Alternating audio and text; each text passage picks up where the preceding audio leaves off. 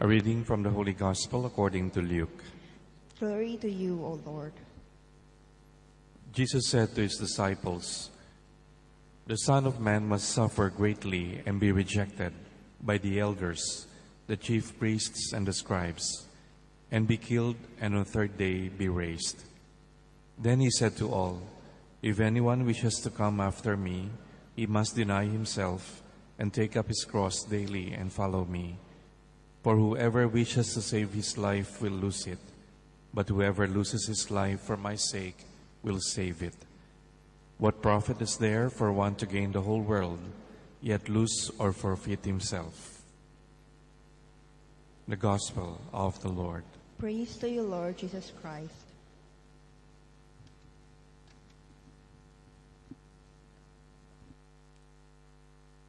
I invite you to reflect on the first reading on how Moses spoke of choices and consequences to the people.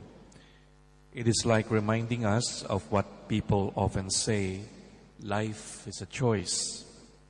But not only that, not to stop at that, choice as a consequence.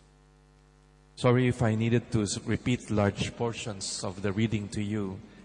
My purpose is not just to repeat, but to break it down for you and to highlight which are the choices, which are the consequences, and some points related to them. Moses placed two things before the people. On one hand, we have life, prosperity, and blessing. On the other hand, we have death, doom, and curse. These are the consequences, the results of or fruits of choice. Which then are the choices? In option number one, let me call it option, because it is something that we can choose.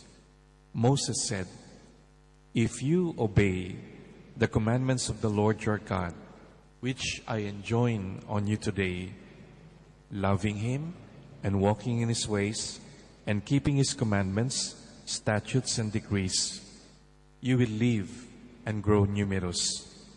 And the Lord your God will bless you in the land you are entering to occupy.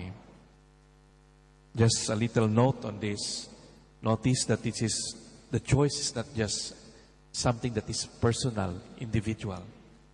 It could apply to the communal choice, what the community does together, what the people of God pursue together. In option number two, Moses said, If, however, you turn away your hearts and will not listen, but are led to stray and adore and serve other gods, I tell you now that you will certainly perish. You will not have a long life on the land that you are crossing, the Jordan, to enter and occupy. Then Moses, having presented the options, the choices and consequences, admonished them. Choose life then. Choose life.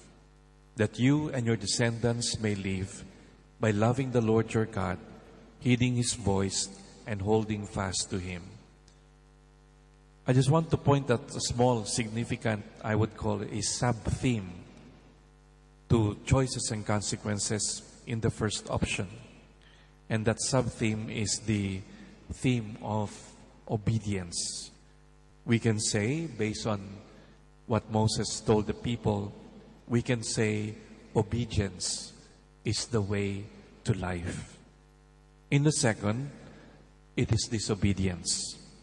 And disobedience here is translated into turning away of hearts, not listening, infidelity that leads to death, doom, and curse. Let me end this with a short prayer, and I invite you to join me. Lord God, sorry when we are foolish in our choices. Often we don't think about consequences. If ever we do, we are careless about it. You have shown us today the way to life, prosperity, and blessing, especially as a people. Teach us to love you, to walk in your ways, and keep your commandments. Do not let our hearts run away from you. Rather, help us to listen to your call, to repent and return to you. Amen.